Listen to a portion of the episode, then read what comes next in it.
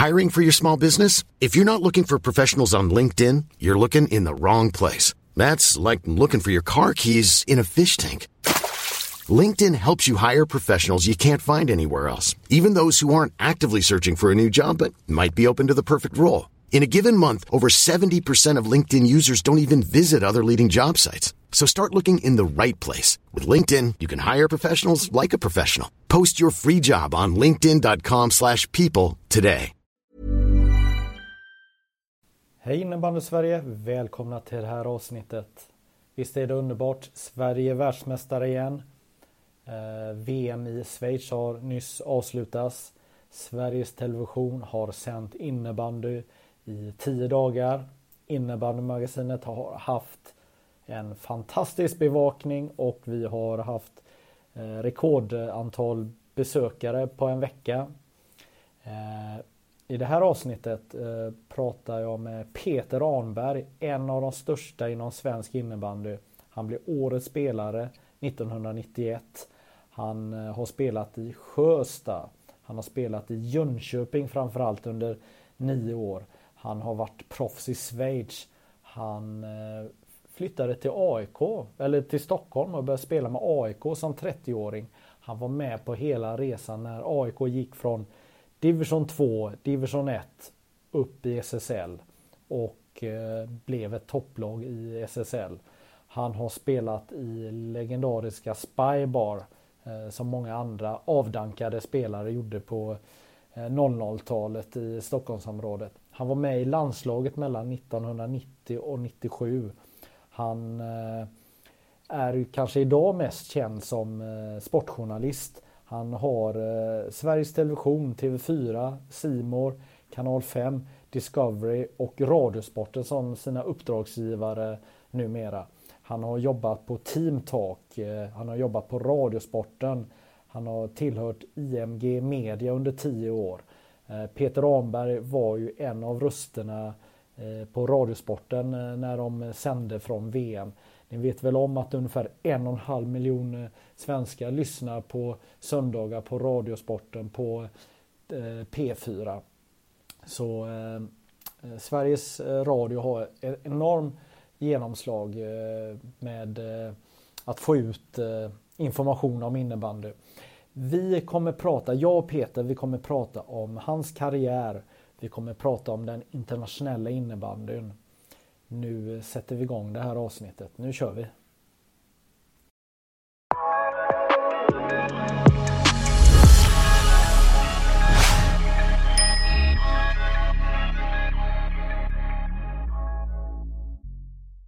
Då hälsar jag Peter Arnberg välkommen till det här avsnittet.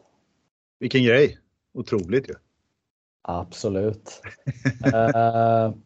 en gång för länge, länge sedan så var ju du en av de här uh, uh, Idol är väl fel att säga, men, men förebilderna. Du var ju årets spelare, eller du blev årets spelare redan säsongen 90-91. Du var alltså den femte spelaren som fick utmärkelsen Årets spelare i svensk innebandy.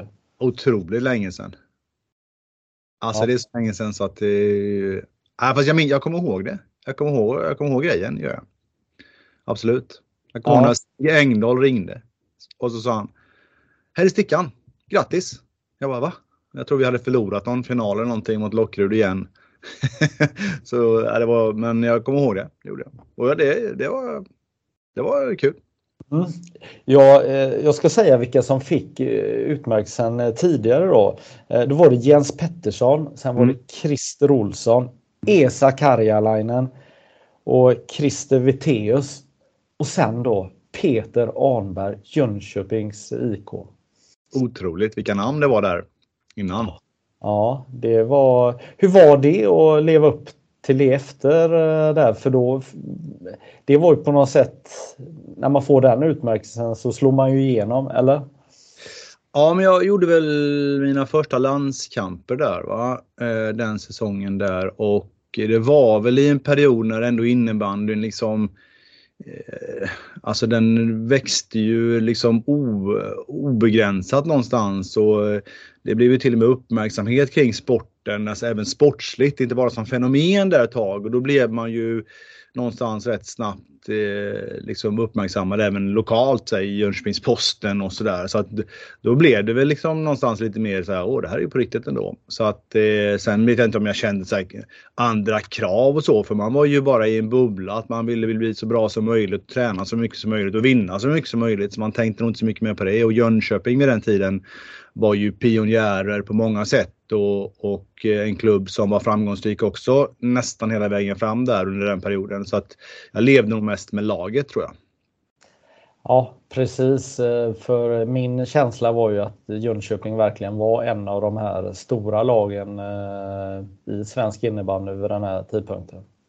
Ja men så var det nog. Vi var ju ganska tidiga med att ändå ta det lite lugnt på de här kupperna där som fanns. Det fanns ju bara kuppspel på mitten på 80-talet där.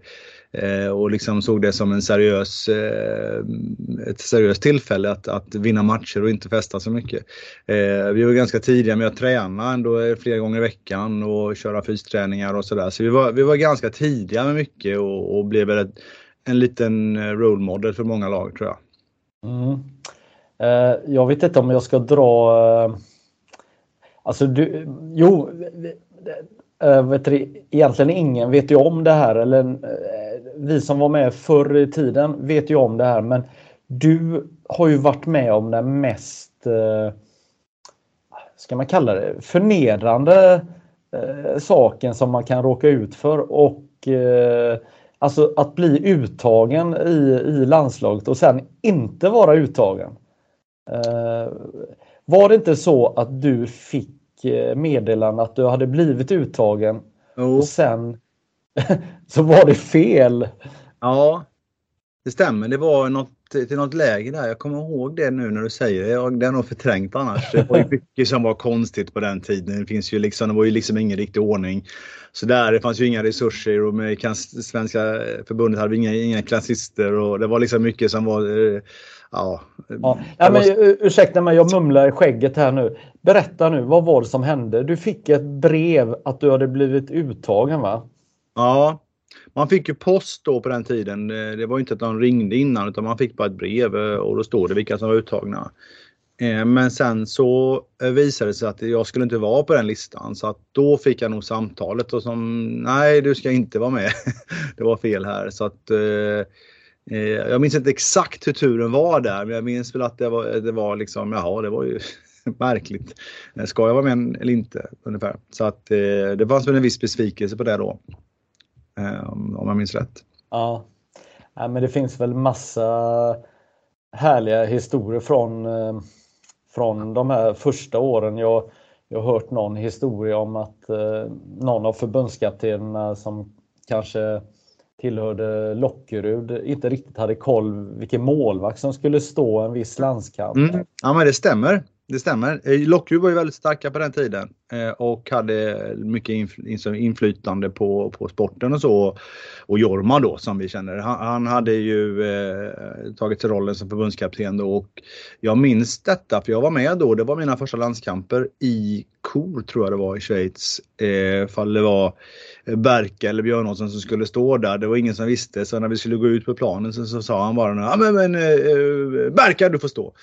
Eh, ungefär så. Och i samma match så efter första perioden så säger Jorma ah, vi måste ändra lite, sa han. Jaha, eh, okej, okay, så, eh, sa han. Eh, Arnberg, du tar centern. Och jag har ju aldrig spelat center i hela mitt liv. Jag har ju bara sprungit på kanten och, och fiskat lite där. Så jag blev ju, jag var, jag var ju rookie i första landskampen. Jag var ju supernervös, sa ingenting. Men så tittade Keyyo Pollard på mig, Keyyo stora stjärnan på den tiden. Jag tar den, sa han. och han spelade center. Jag sprang fortfarande på kanten men, men Jorma märkte inget. Eh, och så vann matchen. så kunde det vara då. Ja. ja. Ja, men, men du är ju sån dinosaurie så du var ju med från början. Eh, Jönköping bildades ju 1985. Eh, mm. Jönköpings IK och då var du med. Ja, jag kom in där eh, liksom när klubben hade bildats lite. Vi var ju Eh, liksom, eh, innebandyn var ganska stor så här, på, på föreningsnivå eller korpnivå då i Jönköping och då var det två stora, eh, liksom de som vann alla cuperna. Det var ju Hälsohögskolan eller Immanuelkyrkan då. Så kom de på att men vi bildar ett lag tillsammans. Eh, och så blev det och så tog de med mig. Jag var ju bara 16-17 år då. Eh, som eh, var väldigt ungt på den tiden när för det fanns ju ingen ungdomsverksamhet eller barnidrott på det sättet. Det var ju bara seniorlag som bildades helt enkelt. Eh, och så blev Jönköping då. Som blev eh, ja, en ganska så framgångsrik förening och än idag är väldigt väl fungerande. Ja, eh, när man tittar i backspegeln så eh, var det nog ganska välkomnande att en klubb som Jönköping dök upp där i, i vi snackar mitten av 80-talet för att eh, man fick ju arrangera SM-slutspelet eh, ganska omgående. Mm. Ja, vi gjorde det direkt där då. Vi hade ju finalspelet i Huskvarna där 85-86. Eh, och vi fyllde väl den där eh, hallen tror jag och skapade visst intresse. Vi, vi, vi var ganska så liksom pro på den tiden så vill man göra allting själv. Så vi eh, skrev egna artiklar till Jönköpings-Posten och vi hängde upp eh, så här eh, eh, vajpar över stan att nu är det SM-slutspel i innebandy och folk undrar vad är det här och så blev det ändå ganska så eh, bra. Det var väl det första egentligen eh, riktiga organiserade mm, SM-slutspelet som ändå blev uppmärksammat på något sätt skulle jag säga. Eh, på, på, ett, eh, ja, på ett eh, tydligt sätt. Ja exakt. Eh, det är så jag uppfattar det också att, att det var Eh, Eh, att sporten tog eh, något kliv framåt där eh, genom att ni arrangerar och då kan jag tänka mig att ni som förening också gjorde det. Jag menar, ni, ni vad heter det, lyfte er och precis som du säger sätter upp veper över stan och är lite stolta över det ni, ni gör. Så det var väl där ni tog språnget framåt då fortsättningsvis då tänker jag. Ja men så var det nog. Vi, vi var ju tidiga med ganska mycket där. Den, den klubban vi spelar med idag är ju också någonstans sprungen ifrån Jönköpingstrakten. Eh, det här med det genombrutna bladet för det var ju helgjutna plastblad tidigare. Men jo, Joel då, han som startade Jolly, eh, västgöten där utanför Jönköping. Han hade plastfabriken i Habo som ligger bara ett par mil utanför. Och han var ju med och, och sponsrade oss, eller det var ju Tommy Jonsson som var vår stora stjärna först där eh, med lite klubbor och blad och sådär. Och så hade han varit på en mässa, eh, på, och, och sportmässa och sett en hockeyklubba som hade ett genombrutet blad. Så det ville han ju kopiera då. Och då fick vi, åkte vi ut till fabriken eh, med Tommy och jag och Malle tror jag också var med och så borrade vi hål i de här eh, Unihoc Eh, stekspadarna vi hade och testade oss fram och så kom det någon prototyp som var jättemjuk och sådär. Men då, blev, då kom det här genombrutna bladet fram då. Uh, Jolly Champion var väl den första tror jag. Som den hette. Och, eh, så det, det är också någon, en bortglömd historisk del av Jönköpings innebandyklubb faktiskt. Ja men det är ju jättehäftigt. Kan du berätta mer om alla utmaningar får man väl kalla det med att få eh, klubborna på den här tiden då vi snackar 80-talet att, att, att, vara styva och att, att fungera eh, som, ja. som man ville. Nej men ja, alltså det var ju eh, Alltså det var ju olika plastblandningar och plastfabrikerna var ju duktiga någonstans. Vi har alltid varit duktiga på, på, på nya saker och, och, det finns en plastfabrikskultur någonstans runt om i, i Småland och sådär. Så, eh, och Habo Plast där som gjorde det ena, de, de testade fram och för att hitta styvheter och så. Det var också att de olika färgerna gav ju olika styvheter. Jag vet att Eh, jag tyckte inte om det vita bladet för det var lite för hårt på ytan. Jag vill ha ett rött blad för det var mjukare för bollen och sådär. Och även skaften utvecklades ju med plast länge, länge ända till Excel kom in i branschen från Finland med skidstavarna då. Eh, då blev det andra material eh, och även Unihoc var ju tidiga med att ha andra material i skaften då. Men det var ju en rätt så explosiv utveckling framförallt under tidigt 90-tal med eh, materialet då. Eh, och det som finns idag var ju, går inte att jämföra med det vi hade. Det är väl som hockeyklubban ungefär tror jag med gamla mm. träklubbarna och, olika böjar och så. Eh, till det som är idag då. Ja. Ja, men jag minns ju att IBK Lockerud var ju en föregångare hur man hookade klubborna och, och så. Det, det blev mer som en skopa. Vi, många andra, gjorde ju egentligen att man böjde klubban på mitten eh, lite så, så som man hade gjort i skolan. Ja, ja men den nya plastblandningen gjorde att de kunde man ju värma Eh, och sen kyla ner så att då, då behöll sig liksom vinkeln ganska så länge i alla fall. Så där eh, fick man bara rätta till lite. Men från början var det bara att man fick böja hela tiden för att den inte var kvar där. Men det, sen så blev det lite ordning på det då. Eh, och nu går det väl inte att köpa en rak klubba längre. Nu är det väl alla böjda på något sätt. Ja, precis. Men, men var, var du en, en misslyckad hockeyspelare? För, för det, det, det, har de ju sagt att våran generation att vi bara var misslyckade mm. hockeyspelare som höll på med innebandy. Jag höll på med många idrotter, man kunde göra det på den tiden. Eh, och jag höll på med hockey också, gjorde jag. Eh, och jag var väl inte tillräckligt förstående i vad det krävs att bli duktig. Eh, jag, var, jag hade inte det, det omkring mig som, som vägledde mig till att bli, jag var ganska så talangfull i eh, både hockey och fotboll sådär men det fanns ingen som vägledde mig i vad elitidrott var. Det fanns inte samma, samma upplysning som nu på den tiden. Eh, och eh, ja, jag eh, gjorde det som jag tyckte var roligt helt enkelt. Det som, och det som var roligast då blev, blev ju eh, innebandy. Jag slutade med hockey när jag var 17 på ett ungefär egentligen rätt abrupt. Eh, jag hade med mig innebandyklubban på både fotboll och hockeyträningar och sen vidare till innebandyn då men, men till slut så var äh, det var för roligt och vi tränade ganska mycket ändå på innebandyn redan då så att eh, det var det som var kul och det fanns inte den här äh, upplysningen om att eh, eh, så här ska man göra för att bli, bli elitspelare och det fanns ju inte proffsdrivet på det sättet heller för varken fotboll eller hockey på seniornivå på den tiden heller som det är nu. Det var ju, man var ju amatör i Allsvenskan eller i Elitserien då till stora delar. Eh, nu är det ett yrke och det yrket ska utbildas tidigt numera så att det, det, det, det går liksom inte att jämföra riktigt. Nej, men eh, det var ju ganska skoj eh, den här perioden eller? Ja men det var ju det och vi var ju pionjären sagt Vi gjorde det vi ville och vi kämpade för det vi tyckte var roligt. Och det var ju allting från att få uppmärksamhet till att få träningstider. Handbollen har ju haft ett starkt fäste i Jönköping som på många eh, ställen i Sverige och där var det ju en stor kamp att bara få träningstider och sen att faktiskt också eh, liksom ta plats i idrotts Jönköping sådär. Eh, så att vi jobbade hårt med det. Och Eh, hade en, en gemensam stark drivkraft både till att vinna matcher men också att eh, utveckla sporten och ge den uppmärksamhet så att, som den var värd. Ja. Eh, när du blev vald till årets spelare i svensk innebandy så var det ju andra säsongen som eh, man hade nationellt eh, seriesystem då, SM-serien. Den kallades ju riksserien då när, när den startades men den byttes, bytte ju namn ganska snabbt till SM-serien.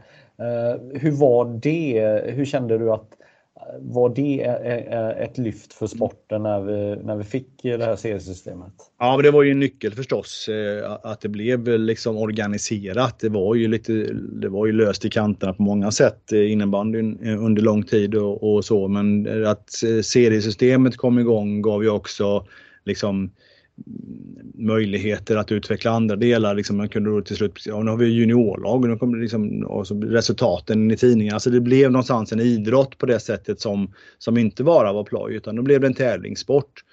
Eh, och eh, ja, men det var en viktig del i det. Eh, mm. Jag tror att jag är den enda som har vunnit den högsta serien sex år på raken. Eh, för vi, vi vann med, det är, vad ska jag berätta det för egentligen? Men det, när vi, pratar, vi, vi vann fem raka med Jönköping och sen bytte jag till Sjösta sista året det var de här riksserierna och så vann vi den. Sen, blev, sen gjordes det om då seriesystemet där till eh, norr och söder. Allt eh, så jag, och jag tror att jag och Jönköping vann inte det sjätte året. Alltså jag tror att jag är den enda som vunnit sex år på raken. Ja, och, ing, och, och, och inget, eh, och, inget SM-guld blev det där. Nej, det blev inte det. Jag skulle ta upp det också. Nej, vi, vi, jag kom inte så långt faktiskt. Jag var, var väl tre eller var det fyra finaler totalt. Eh, med Jönköping där. Så vi hade åkt, vi åkte ut med Sadden och, och, och Lockerud var ju vår stora antagonist och Lockerud vann ju. På alla möjliga sätt då. Vi var ju, vi var ju väldigt ledsna över det. Vi var för snälla tror jag. Vi var ja. för lika mycket.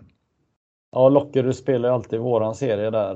Eh, men eh, vi kanske är överens om, om hade det funnits effektiv speltid på, på den tiden så kanske de här eh, finska killarna inte de kanske inte hade orkat hela vägen och spela på 6-7 gubbar. Nej, det kan man ju spekulera men de, de gjorde ju så att de bestämde sig att nu vill vi vinna. Då var, då var det de sex bästa som körde. Eh, då resten fick inte lira. Då, då spelade de typ nonstop där. Eh, det kunde man göra då. Eh, de skulle inte orka lika länge idag. tror jag. Nej. Nej, för alla unga här som inte har varit med med den här tiden innan effektiv speltid så kunde man ju alltså i tredje perioden byta bort ganska mycket tid om man var i ledning och man kunde ju helt plötsligt inte veta vilken, vilket kryss som bollen skulle läggas upp på och sånt där. Det, det var, ja, det var märkliga tider där. Ja. Tredjeperioderna kunde gå väldigt fort. Ja, och sen, kunde, sen så kom ju den här regeln med de tre sista minuterna som effektiva. Och då blev det lite att man kunde inte maska för mycket där i slutet då. Men, men eh, det, nej, det var ju... Ja, så var det. Ja. Mm. Eh, det finns ju så otroligt mycket att prata om eh, när det gäller din karriär här. Så, så vi, men, men eh, vi får ta det vid ett annat tillfälle, håller på att säga här. För vi, vi, har så mycket att prata om, men vi, jag tänker att din karriär har egentligen två ansikten om man säger, säger så. Mm. Dels tiden i, i Jönköping plus Sjösta här då. Men, men sen så flyttade du till huvudstaden. Mm. Du hade väl egentligen lagt av eller hade tänkt lägga av med innebanden eller, eller hur var det? Ja, nej, men det var ju så. Jag spelade i Jönköping då många, många år. Sen var jag i Karlstad, Sjösta två säsonger. Eh, när liksom innebandyn tog en ny fart där. Det finns olika delar det, men det var det pionjärdelen. Sen så var det liksom utvecklingsdelen då med 90-talet där och Sjösta och då var jag eh, Eh, Eh, ett par år där. Sen drog jag till Schweiz ett år också och så kom jag hem och sen då kom jag på när jag var i Schweiz att nu kanske jag ska ändå ska utbilda mig också då. Och då sökte jag in till en journalistutbildning i Jönköping som jag kom in på. Så jag spelade ett, ett år i Jönköping där också. Men sen sa Johan Ivarsson att eh, äh, nu, eh, nu får du bestämma det här. Du kan liksom inte eh, gå, dra iväg på någon praktik och sånt där. Så det, det, nej, det är ingen idé. Vi måste, vi måste eh, ha 100% gubbar här. Så då bestämde då slutade jag där då 98, 99. Tårfyllt. Eh, men då hade jag ju bestämt mig för att jag skulle göra min praktik på, på Radiosporten. Eh, och jag lyckades lura Lasse där då att eh, ta in mig där. Eh, vilket då landade i att jag blev en del av AIK. I ja, och då lurade han in dig i AIK för han hade ju stora visioner med, med AIK då. Just det. Så då eh, kom jag till Stockholm och spelade med AIK i division 2, vann där, division 1 vann där och så spelade något år till i eh, högsta serien då eh, innan jag blev tränare för AIK i tre säsonger. Just det, du blev tränare också. Men eh, vilken eh, märklig tid det var, eller eh, häftig period. För att det var ju ändå väldigt viktigt för innebandyn att AIK gjorde den här resan. Bortsett från att, eller hur ska man säga, Stockholmsinnebandyn var ju redan väldigt bra och hade varit bra under, under väldigt många år. Men det var ju ändå lite kämpigt för de klassiska klubbarna.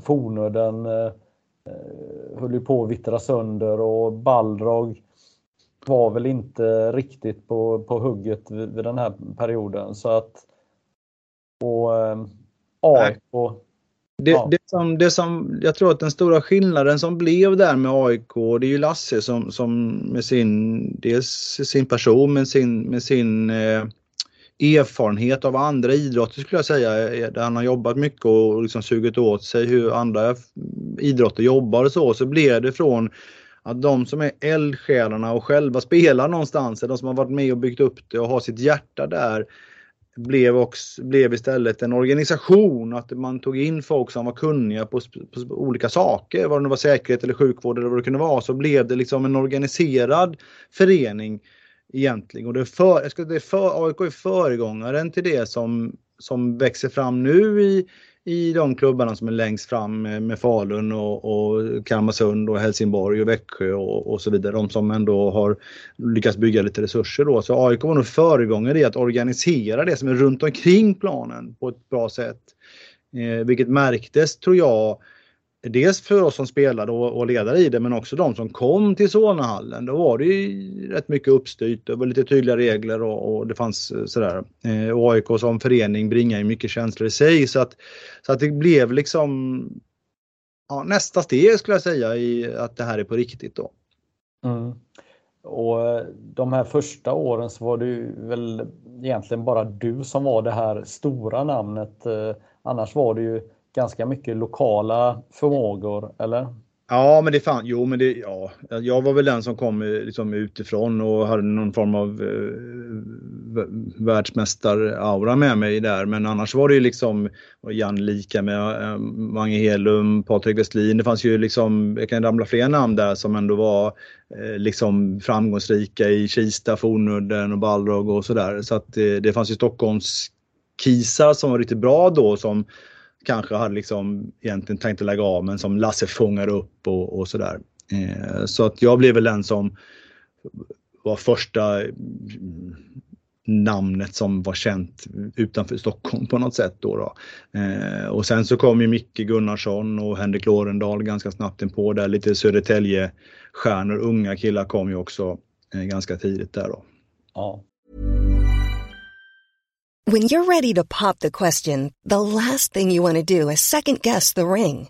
At BlueNile.com you can design a one-of-a-kind ring with the ease and convenience of shopping online. Choose your diamond and setting. When you find the one, you'll get it delivered right to your door. Go to BlueNile.com and use promo code LISTEN to get $50 off your purchase of $500 or more. That's code LISTEN at BlueNile.com for $50 off your purchase. BlueNile.com code LISTEN.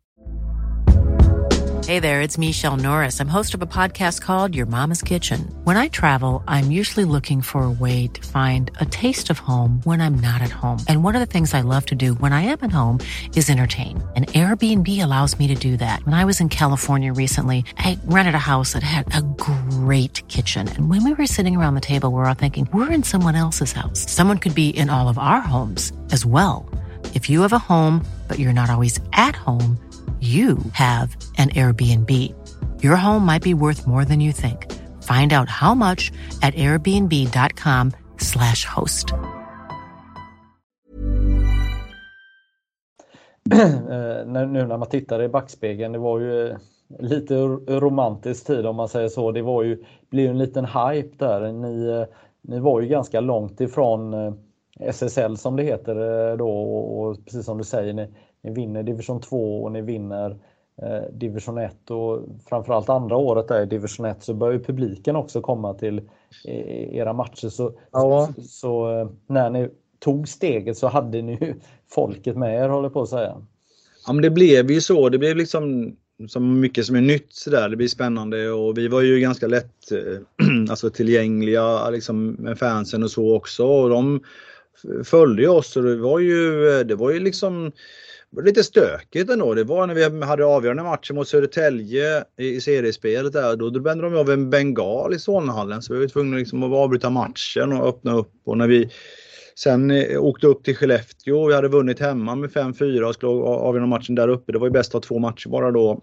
Eh, då var det ju 100 supportrar där som tog emot oss när vi kom och sådär. Det var ju liksom det var ju lite overkligt men, men ändå AIK någonstans liksom. Det som är AIK det tycker man om då man är aik och då gör man det fullt ut.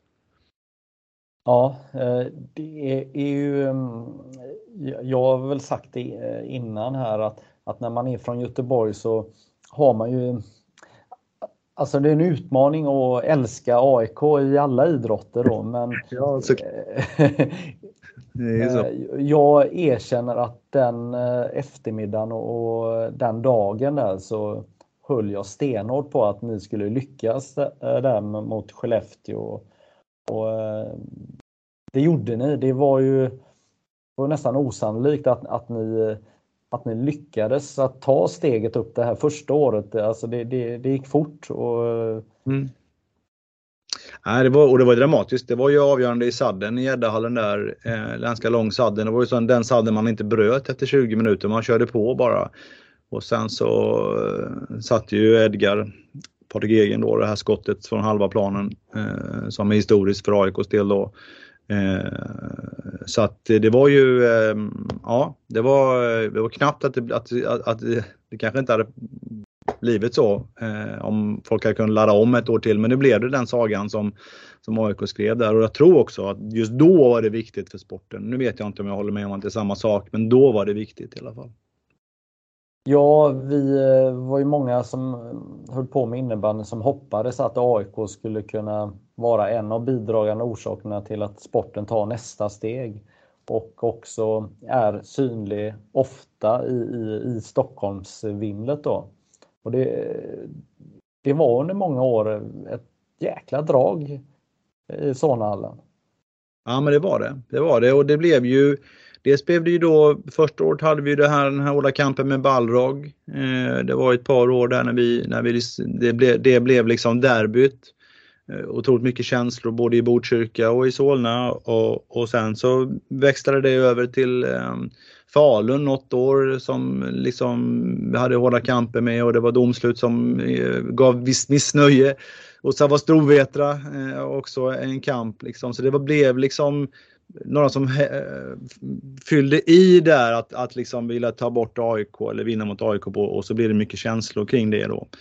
Eh, så det var en period där runt ja. SM också även med Varberg där som var, det var otroligt heta matcher. Det var ju liksom ingen som ville missa det. Um, så att det var, det var, det var, det var en jäkla ball tid faktiskt. Ja, nej, men det var det och precis i början där så var det en viss eh, Kenta Sjögren också som eh, hypade, jag menar han och Haninge arrangerade ju matcher i, i, på Hovet. Eh. Just det, just det. En seriepremiär faktiskt var det. Ehm, och eh, det var, ju, det var ju startskottet på hockeyarena-svängen som blev ett tag där också. Och även det som är, man kan säga i Globen är, nu då med SM-final så, så var det ju en start på det någonstans där. Ja, ja men eh, precis. Vi ska inte gå in på Kenta men jag tror han, eller det blir lite här nu. Jag tror han la ut en 130 000 och egen ficka för att få till den här matchen och Mm. Hoppades, då, eller ja, han, han, fick ju hoppas att publiken kom då. Så att, ja, det, det, det är härligt när man tar de här, eh, när man vågar satsa. Ja, Kenta var ju en profil, men han, han lirade själv var ju också en profil. Vi mötte ju dem i en semifinal där, just i Huskvarna vi pratade om innan där, så var det, var det bara två perioder. Då. Semifinalen där, det var jämnt som tusan. Så eh, när det var pausvila så satte man sig bara vid bänken sådär. Då kom Kenta bort till oss bara Härligt grabbar! Fan, publiken älskar er! Och så gick han bort till sitt gäng. Bara, vad fan, vad hände? ja, ja, ja. Jo, han gick under namnet Ropet tror jag det var. De eh, kallade han Kenta Ropet Sjögren. Ja, ehm, eh, vi ska prata internationell eh, innebandy. Vi eh, har ju precis varit på det fjortonde VM-slutspelet mm. i herrinnebandyn. Eh, Sverige har återigen vunnit VM-guld. Man har spelat alltså 14 VM-turneringar och Sverige har vunnit 10 av dem. Mm. Finland har stuckit emellan och vunnit två dubbelvinster vid två tillfällen. Men, eh, men då räknar vi ja. vi inte EM va? 94-95 räknar vi inte EM. Då.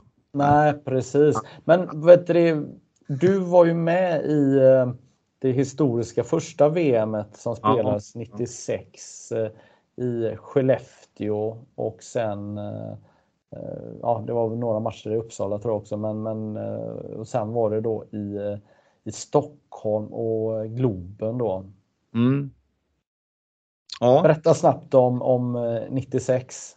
Ja, nej, men vi, vi, vi, historien är ändå, vi kom ju ändå från två mästerskap innan som är bortglömda de här 94 och 95. Vi förlorade ju faktiskt 95 mot Finland och straffar i Zürich. Eh, de första internationella mästerskapen där då. Men det var ju ändå en erfarenhet att ha med sig in. För innan dess var det ju inte så mycket landskamper. Det var ju bara ett par, fyra landskamper per år. Men sen blev det ändå lite mera ett, ett årsupplägg och så. Och när för varje förbundskapten som tog över så blev det lite mer ordning och reda och när Kigge kom in då i landslaget så blev det ju väldigt bra struktur i det. Då, och det liksom var en jädra tur det för, det, för det var så otroligt stort det här VMet. Det fattade vi nog inte själva men det var en, gav en otrolig uppmärksamhet. Även redan uppe i Skellefteå gjorde det det.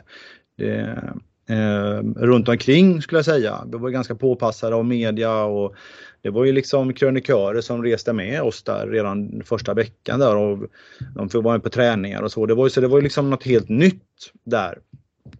Men det var bra att det fanns ändå någon form av organiserad eh, verksamhet runt laget där, för annars så hade vi nog inte pallat det där tror jag. Eh, så, så Kigge gjorde ett skitbra jobb där.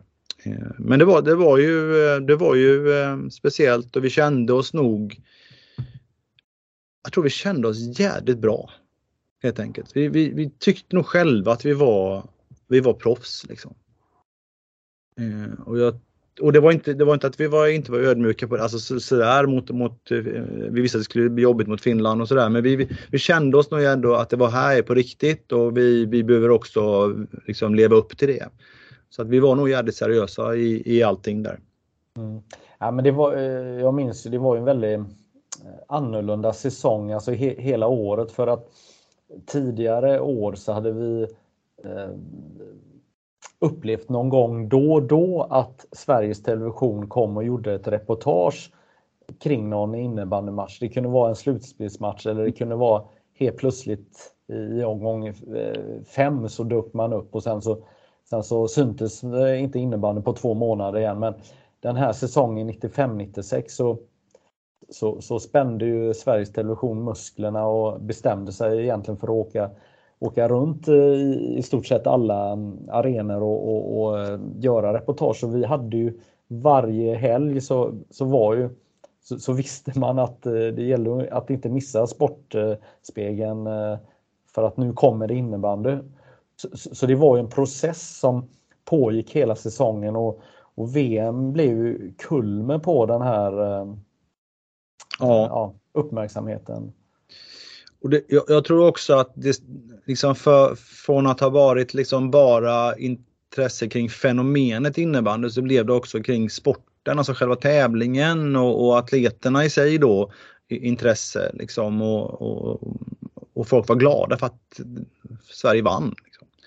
Eh, man är inte lika glad för det längre men, men, men eh, då var man glad liksom, tyckte det var jävla gött ett svenskt eh, lag som är världsmästare. Precis. Men eh, med facit i hand så, så, var det ett problem. Problemet var ju det att eh, eh, vi hade då en fantastisk säsong. Ni kände er som proffs. Ni var ju proffs. Ni var ju grymma. Ni som hade fått de här, eh, fått era tröjor här. Eh, men eh, det, det kanske riksmedia inte förstod det var ju var innebandy som idrott befann sig då 1996. Eh, tittar man nu i backspegeln på eh, de här lagen, nationerna som, som, eh, som dök upp så var ju de, om man bortser från Finland och kanske Schweiz, alla andra var ju nybörjare. Tjeckien som tog sig till, de tog sig till semifinal. Va? Jag menar de eh, där hade sporten existerat i tre, fyra år som eh, Alltså man, man, man var ju, ja, allt var ju nytt och, och, eh, och, så hade vi ytterligare länder som det var ännu nyare så, så att, så att eh, sporten var inte riktigt mo, eh, mogen för den exponeringen, eller? Eh, nej, men det, nej, det kan man väl säga. Det är klart att den, den, den eh, den historiken lever väl någonstans kvar lite fortfarande för, för, för utvecklingen liksom runt omkring går ju fortsatt långsamt och så. Eh, även fast de fyra stora har en otrolig utvecklingskurva så, så går det fortfarande långsamt runt omkring och så.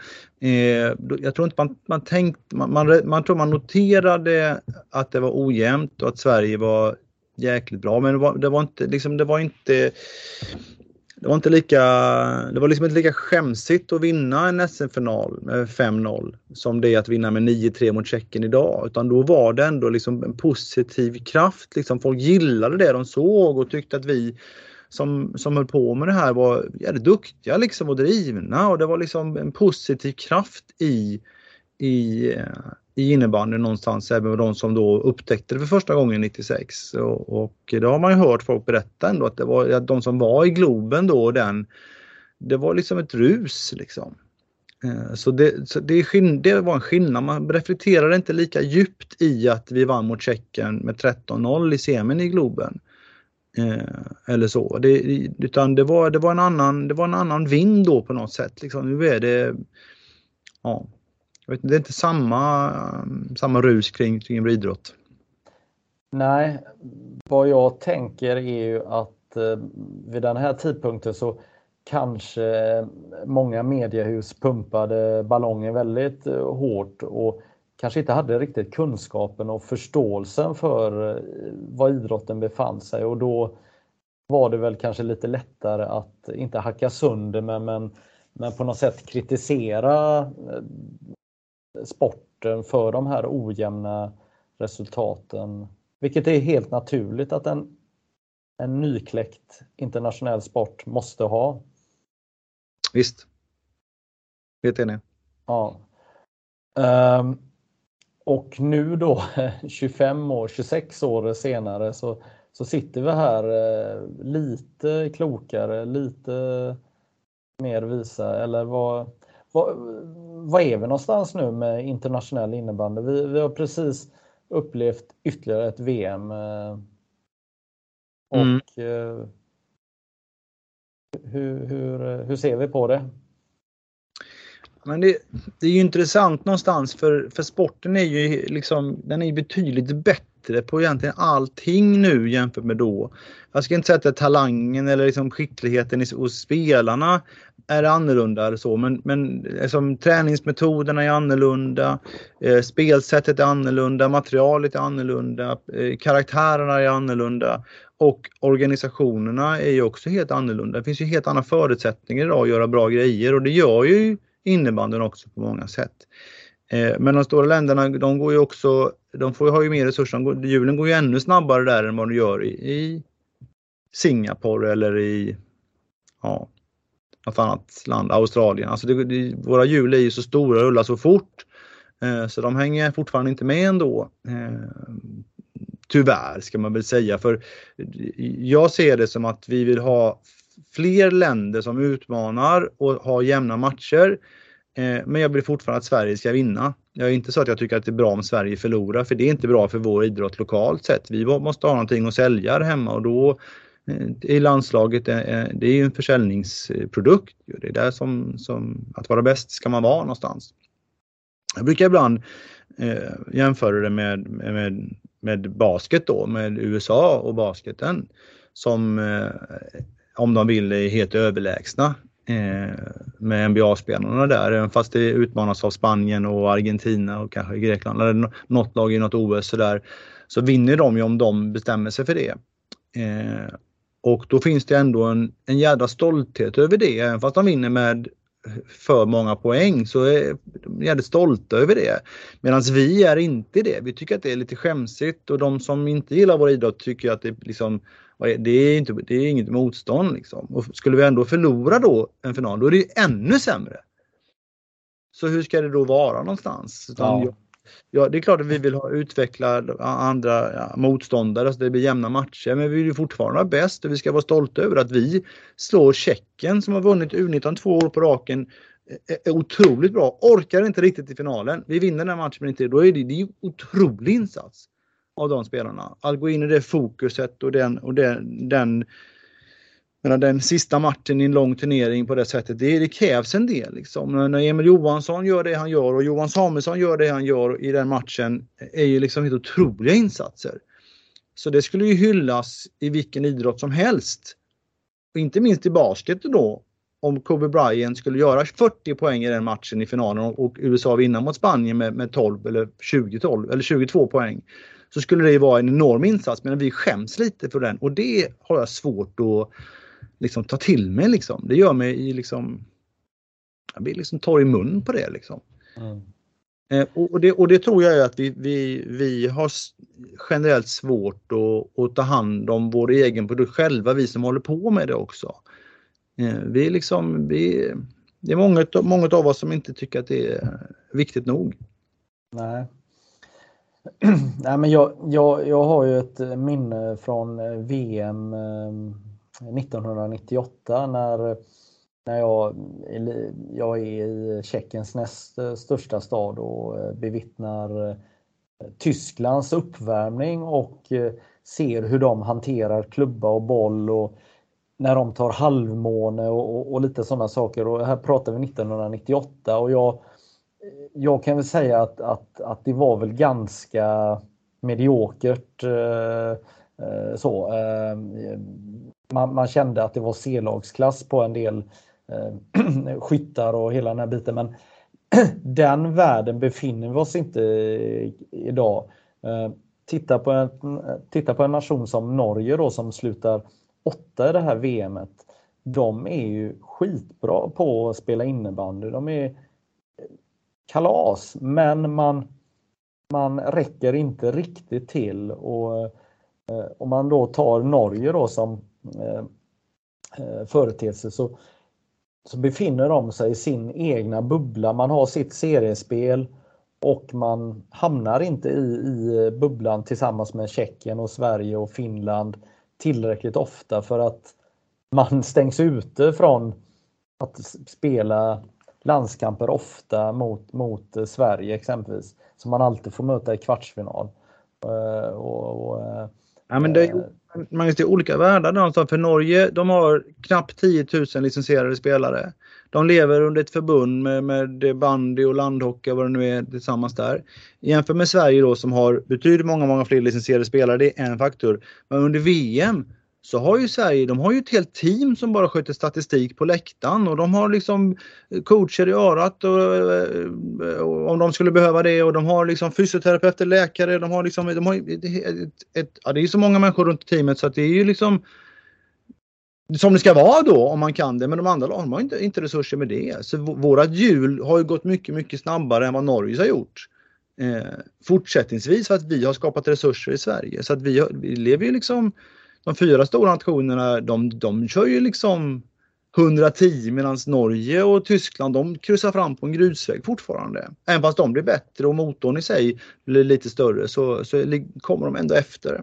Ja men exakt, det är precis det du eh, nämner här att eh, de här andra nationerna kör på grusvägen och, och så kör eh, de andra nationerna på autobana, alltså i 110 minst.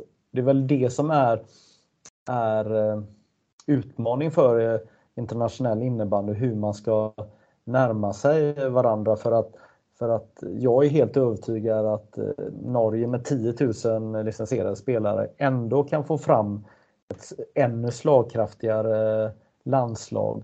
Men då måste man ju få förutsättningar. En annan faktor är också under de här VM så är det faktiskt eh, VM är konstruerat för de här topp 4-nationerna. För när väl exempelvis Norge ställs mot Sverige i en kvartsfinal så har Sverige haft minst en dag mer vila då eftersom Norge ofta får spela åttondelsfinal. Det är naturligt men men som i, i det här VMet så hade ju Sverige tre vilodagar eh, tror jag innan, innan slutspelet började och det har exempelvis inte Norge då som får gå ganska hårt på sina spelare.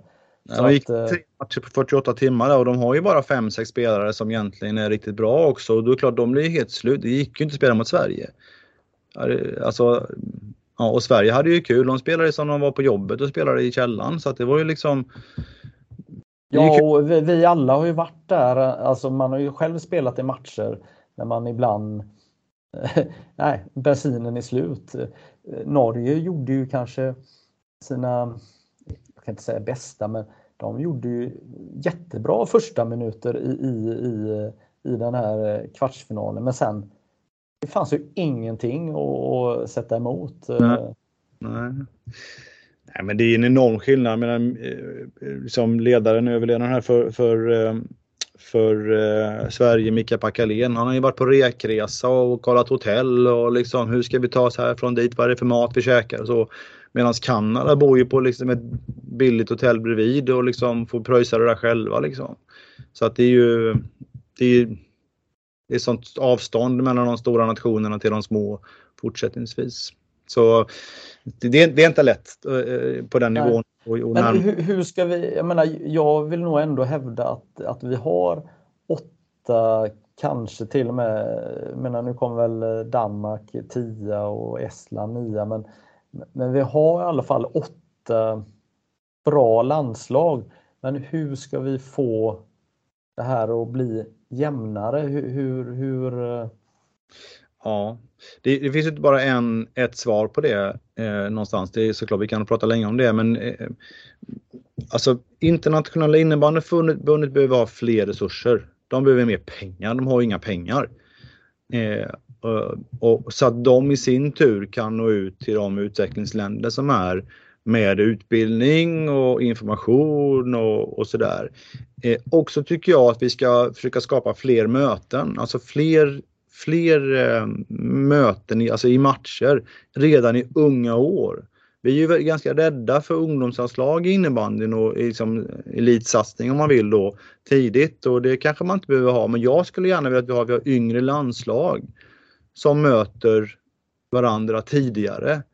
Eh, och, Vad är det du tänker att man får fram då? Är det att fler spelare i de här utvecklingsländerna, om vi nu kallar det mm. förstår vad som krävs av dem? Eller vad... Ja, dels det och sen tror jag också att jag, jag tror också att um, Schweiz skulle ju behöva vinna mot Sverige för att komma över någon form av mental spärr. Tjeckien skulle också behöva vinna mot Sverige.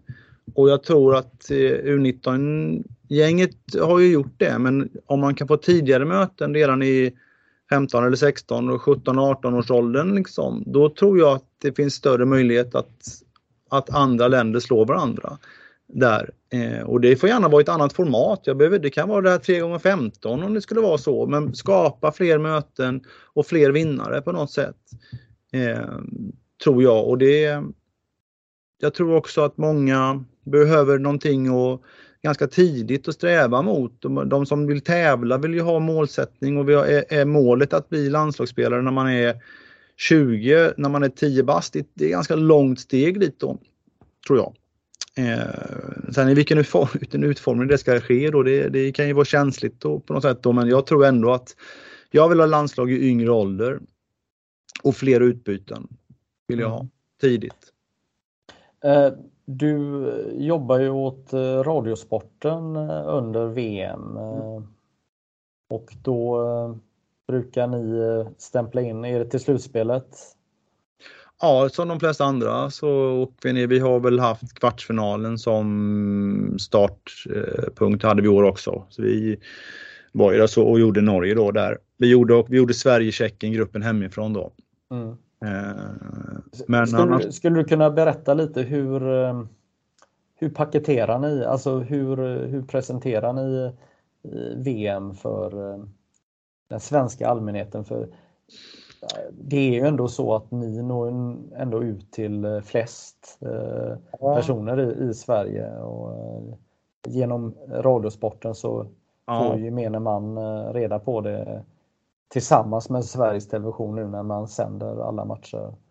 Ja, men dels, dels är det väl lite förhands eh, liksom, snack och, och sådär som i all enkelhet. Eh, Radiosporten har ju ett uppdrag att bevaka ganska brett. Förutom de populära idrotterna så bevakar man ju i stort sett allt man kommer över och så.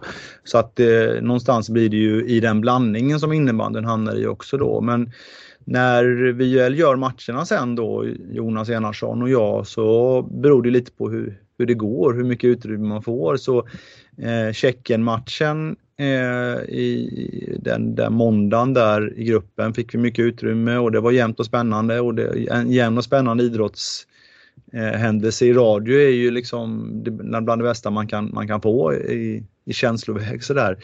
Eh, Norge-matchen, då blev det inte så mycket. Vi var där och vi gjorde vår reportage, men det blev mer övergripande om sporten i sig. Eh, man berättar liksom inte om 18-2 målet där, utan man berättar mer om vad som händer runt omkring där. Och sen semifinalen var ju otrolig på lördagen. Lördagen har ju, om jag minns rätt här nu får ju radiomänniskorna eh, rätta mig om, om jag har fel, men det är ju ungefär en och en halv miljoner som lyssnar på P4 en lördags eftermiddag. Eh, och vi körde ju den matchen i stort sett i sin helhet skulle jag säga i P4 med den dramatiken som var då. Så det gav ju en, en, ett väldigt eh, utrymme eh, och eh, ja, genomslag tror jag. Eh, och finalen blev ju lite ojämnare och då var det konkurrens med lite annat så då blev det inte lika mycket tid från oss men vi, vi är ju där och vi följer det och vi tar hem det liksom med rätt mycket intervjuer och, och sådär. Så att eh, det är ganska kraftig bevakning då tycker jag. Mm. Men eh, alla vi som bevakar eh, VM då exempelvis, vi är ju behov av att, att, att det blir händelser och gärna dramatiskt då. Och, ehm, Såklart. såklart. Eller hur? Ja, såklart. Nej, men man behöver ju vinklar såklart och det är ju en, i den informationsstorm eh, liksom, vi lever i så är det ju så svårt att, att nå till alla. Det, det, går knappt så att man får göra så gott man kan i det. Men, men radion är en, är en eh, ett bra medie för det skulle jag säga. Mm. Ja, men vi, vi, har ju, vi har väl kanske två händelser i VM som sticker ut då som, som är nö, nödvändigt på något sätt för oss för att vi ska kunna måla med stora penseldrag det vi vill förmedla hem till eh, de som är intresserade. Och dels hade vi ju i, i gruppspelet här eh, när Jon Hedlund springer ut och, och gör eh, attackerar en Zorro-straffskytt. Det, det, det, det är så befriande att man får en situation som alla kan snacka om och eh, man vill veta vad, vad hände här. Och sen så har vi då det här ganska märkliga pågående mobbningsdelen här med Robin Nilsbert där, där det har blivit en grej nu, tredje VM-turneringen i rad, att att publiken ska bua varje gång han, han har bollen. Och då i kombination med den här straffavgörande och vad man vet vad han sa med glimten i ögat till Sveriges Television efter mm. förra mm. VMet mm. så, så, blir det en sån härlig dynamik. Eller hur?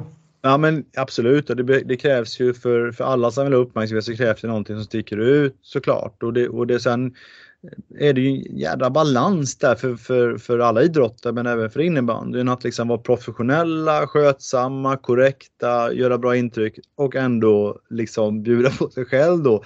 Jäkla balans. Och den är inte självklar liksom utan den, den får bli vad det blir någonstans. Och, och vissa har det och vissa har det inte liksom. Och man kan inte tvinga fram det heller. Men det som Robin tar sig an där den är ju Alltså det, att han gör den här straffen där, alltså det är ju Alltså det är, ja, det är så konstigt va? är, mm. Vem gör det liksom? Men, men då... ja, det är väldigt utlämnande är det ju faktiskt för att ja, eh, liksom... miss, misslyckas man där så är det ju över. Eh, det är ja. finito. Ja. ja, den är otrolig alltså. Den, mm. den är otrolig. Så att... Eh... Solostraffarna får vi lägga ner. Ja, det måste, det måste vi ändra om nu. Liksom. Nu får de bestämma sig att vi kan inte hålla på så. Antingen så Ja. Men, men, men du då som jobbar för Radiosporten på eh, VM-turneringarna, före detta landslagshjälte med VM-guld 96 och eh, två ytterligare turneringar, EM 94 och 95. Eh, där blev det ett guld och ett silver. Vad är dina tankar om internationell innebandy? Alltså det är många här som, som lyssnar och tittar på det här som som, som undrar och du borde väl vara en som har någon förklaring. Vad, vad är vi och hur, hur går det för oss internationellt och vad behövs göras? Ja, men det, det, det, är ju inte bara ett svar på det, men jag är ju, jag är ju liksom ganska övertygad på att vi gör många saker som är bra. Det är arrangemanget som är i Schweiz nu och, och i Zürich, det som Schweiziska förbundet gör, det, är liksom, det går inte att göra det mycket bättre skulle jag säga i, för vilken idrott som helst. Det går att jämföra med handboll och basket eller vad som helst. Det är, det är så bra arrangerat och där är, vi, där är vi otroligt bra nu rent organisatoriskt. Sen behöver ju de länderna som är bakom precis Sverige nu, med Tyskland och, och, och Lettland och, och så, de, de behöver bli bättre helt enkelt. De behöver få mer resurser och bli bättre. Eh, så. Eh, vi ska inte stanna av på något sätt i de nationerna som, som, är, som är längst fram. Vi ska fortsätta utvecklas. Vi har massa problem ändå även inom svensk idrott eh, med innebandyns plats där. Så att, så att vi behöver fortsätta utvecklas också men internationellt sett behöver de bli bättre och då behöver de mer resurser. De behöver mer utbildning, de behöver komma ut i skolor, de behöver få bättre tränare, de behöver få bättre material, vad, vad som helst, bättre hallar. De behöver liksom få hjälp, tror jag. Mm. Där har vi där har vi ett ansvar någonstans i, i svensk innebandy och, och finsk och tjeckisk och schweizisk som har lite mer resurser att, att hjälpa till där.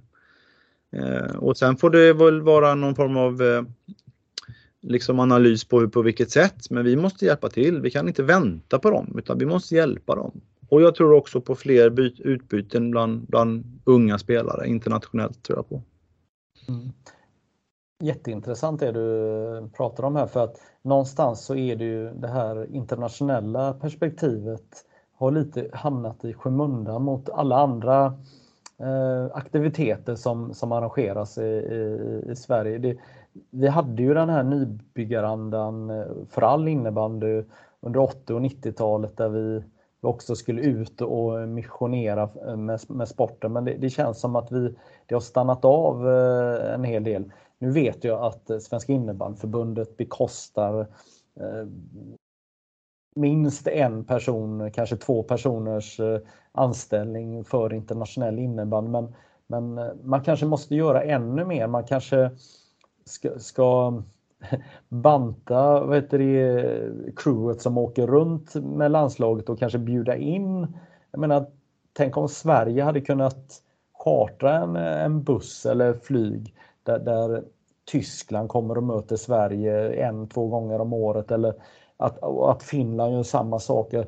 Att man eh, för precis som du säger, jag håller med dig. Nu arrangerar vi jättefina VM-turneringar och hela den här biten men det är ju det, är det här förarbetet som behövs som internationella innebandyn behöver hjälp med. Man har ju inte de här musklerna, de här mindre förbunden men vi i Sverige och Finland har ju de musklerna tänker jag. Mm. Ja, men, ja, ja. men det, det, finns ju en mental uppförsbacke också för Tyskland till exempel. Hur, vi kommer ju aldrig kunna vinna mot Sverige. Finns ju, det finns ju DNA där, liksom, för vi, ja. de är för bra.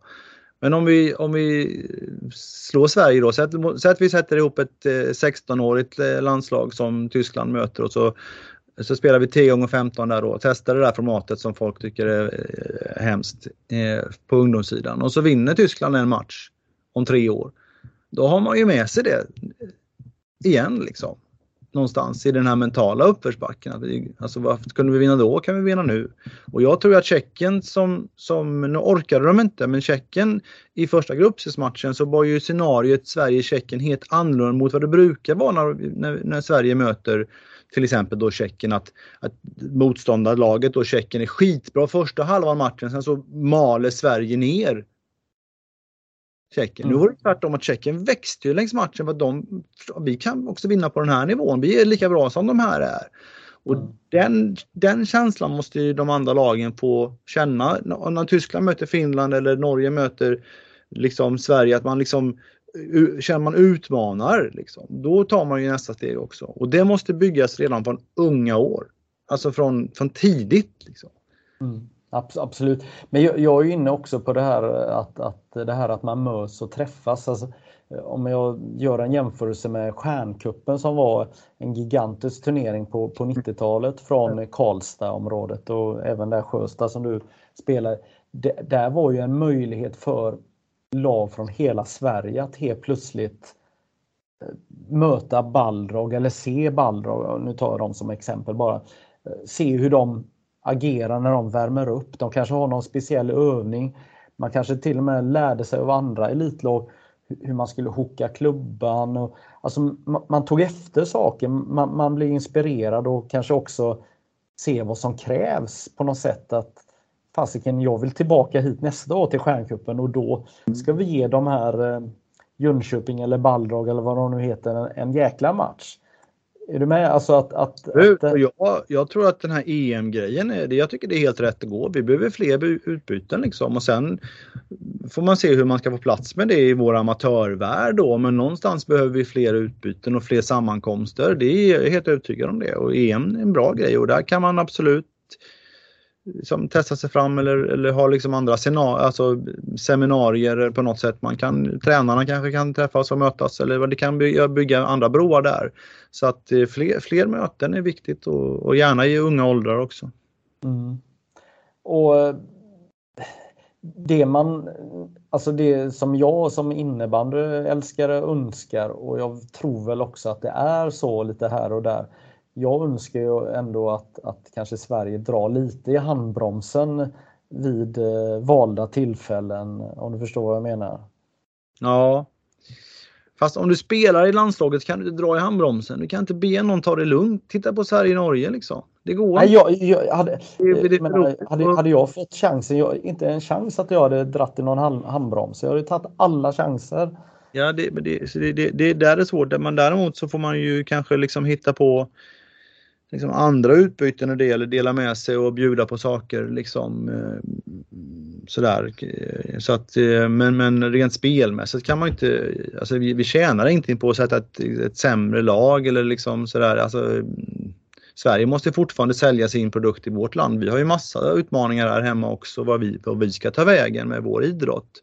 Hur ska vi få fler ungdomar att bli bra på det här och hur ska, liksom, hur ska vi lösa arenafrågan och ska, ska vi behöva tacka nej till barn och hur, vad har vi för utbildning på de som är sex år? Kan de lära sig hålla klubban på rätt sätt? Alltså det finns ju många, massa utmaningar för oss också. Och våran högsta liga som inte finns någonstans. Var hittar du den Magnus?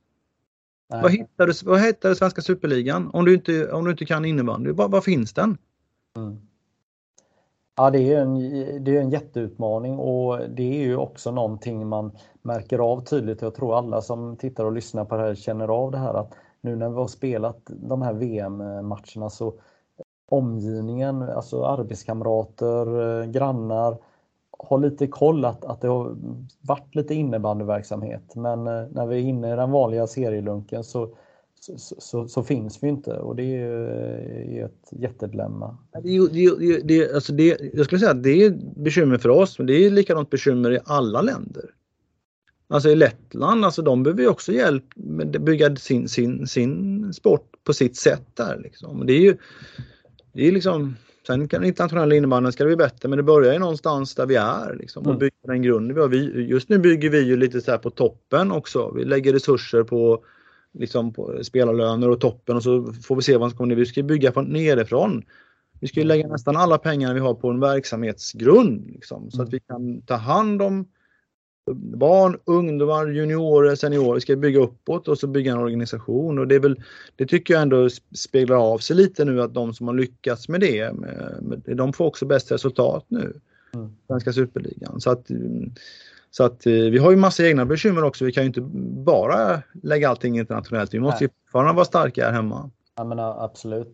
Jag tänker vi är lite i slutet av våra samtal här. Jag känner att vi måste prata fler gånger här längre fram. Eh, här. Men vet du, för mig med VM i Schweiz, det var ju 14 gången som jag var och eh, dokumenterade VM här. Men för mig var ett av höjdpunkterna under turneringen det var ju faktiskt när, när vi möttes i, i korridoren mellan, eller en liten stund innan jag tänker att ni börjar sända eh, mm. finalen.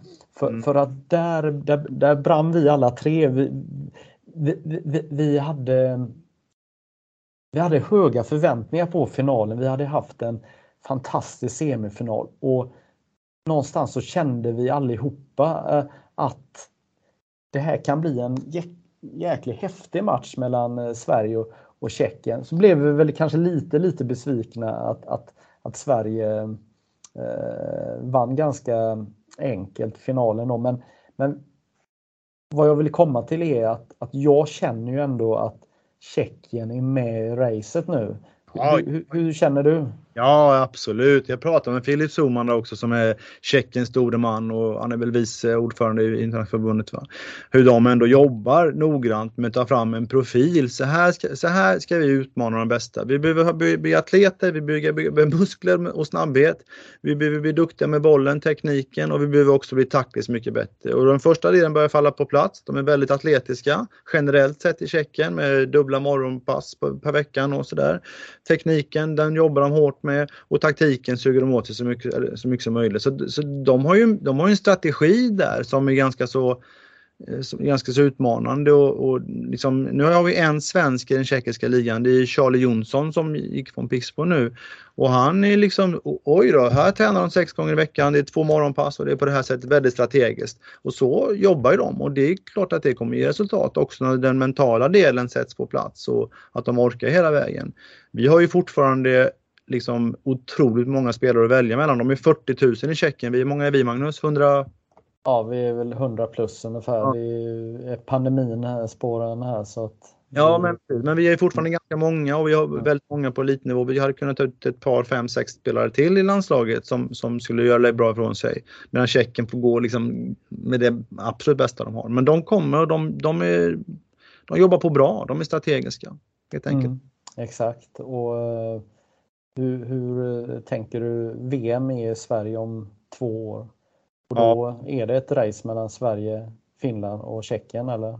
Ja, det ska jag säga. Det blir se, se vad Schweiz gör här nu då när de kastar om lite och den här juniorgenerationen kanske liksom viker av lite. Men, men, eh, eh, Finland tror jag kommer komma tillbaka. De, de har ju ändå någon som, form av rullning på det de gör där generationsväxlingen och, och Tjeckien kommer komma ännu starkare. Sen har ju vi ändå individualistiska eller individuella spelare i Sverige som är, ja, de är så bra så att det, det, det, det liksom om man kunde mäta liksom en prestation liksom, så skulle man ju... Ja, det finns så många som är duktiga. Så det är otroligt, de är så otroligt duktiga. Mm. Okej, okay, eh, avslutningsvis där, om du får önska dig en sak med svensk innebandy och en sak med internationell innebandy den kommande tiden. Vad, vad, vad skulle det vara? Ja, men för internationell innebandy så vill jag ju då se att vi har eh, utbyten på ungdomssidan, alltså att vi har fler matcher i unga år Eh, och gärna i ett annat format. Men jag vill ha fler utbyten där ganska, ganska så snart. Eh, och för svensk innebandy vill jag att vi syns. Hur då? Ja, vi måste, vi måste, vi, vi, vi måste komma till, eh, till människan. Människan ska inte behöva söka upp oss. Vi måste finnas. Eh, och där är ju tv-mediet det viktigaste verktyget vi har. Det är inte tillräckligt det vi har idag då? Nej. Så är det. Jag skulle vilja att vi har en, en elitavdelning som jobbar bara med elitfrågor på, på förbundskansliet. Ja, och vad skulle de eh, jobba med för frågor då? Tänker De skulle jobba med eh, information, de skulle jobba med eh, utveckling av marknadssidan på, på högsta, alltså för SSL. Jag ehm, skulle vilja ha åtta personer som sitter där och jobbar bara med de frågorna. Så att vi, vi, vi behöver skapa det själva. Det är, det är ingenting som folk kommer att leta efter hos oss utan vi måste skapa det själva. Och så behöver vi tv-avtal som är brett. Härligt eh, Peter. Tack så mycket för att du eh, Ja, tack. Det kul. med det här avsnittet. Jag vet inte om någon som tittar och lyssnar här och tycker att det är intressant, men det är kul att prata i alla fall. Ja. Hey, it's Paige DeSorbo from Giggly Squad. High quality fashion without the price tag. Say hello to Quince. I'm snagging high-end essentials like cozy cashmere sweaters, sleek leather jackets, fine jewelry, and so much more. With Quince being 50 to 80% less than similar brands and they partner with factories that prioritize safe ethical and responsible manufacturing i love that luxury quality within reach. Go to quince.com slash style to get free shipping and 365 day returns on your next order. quince.com slash style